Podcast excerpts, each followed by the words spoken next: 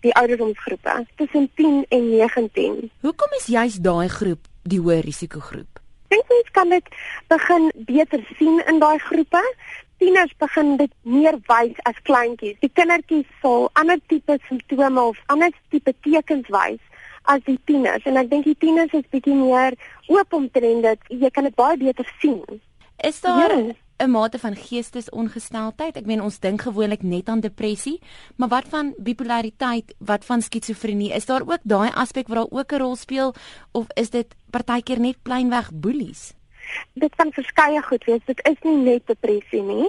Dit kan boelie wees. Ongelukkig, jy weet, is daar groot boelie goed aan die gang in die skole en dit is 'n probleem in ons skole dat al mense geboelie, kinders word geboelie en en hulle kry nie die ondersteuning wat hulle benodig nie.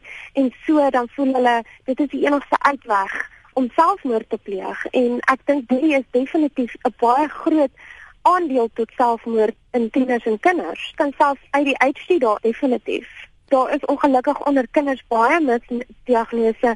As gevolg van ouers is besig mense sien nie altyd ons raak nie. Die skole is vol. Daar ongelukkig jy weet daar's so baie goed wat gebeur in ons daaglikse lewens dat ons sukkel om baie keer dit raak te sien en en jy sien dit dalk nie raak om jou kind na 'n dokter te bel te vat nie. Hoe groot speel druk 'n rol ook in dit? Dink die skole die die druk onder kinders mekaar dit speel definitief 'n rol. Jy weet daar is ongeweldige druk by die skole deesdae. Hulle het geweldig baie werk om te doen en net nie genoeg ure in 'n dag nie. En as jy nie daai ouer het of daai ondersteuning het as 'n kind nie, dan raak dit te veel vir hulle. Maar is daar sogenaamde waarskuwingtekens?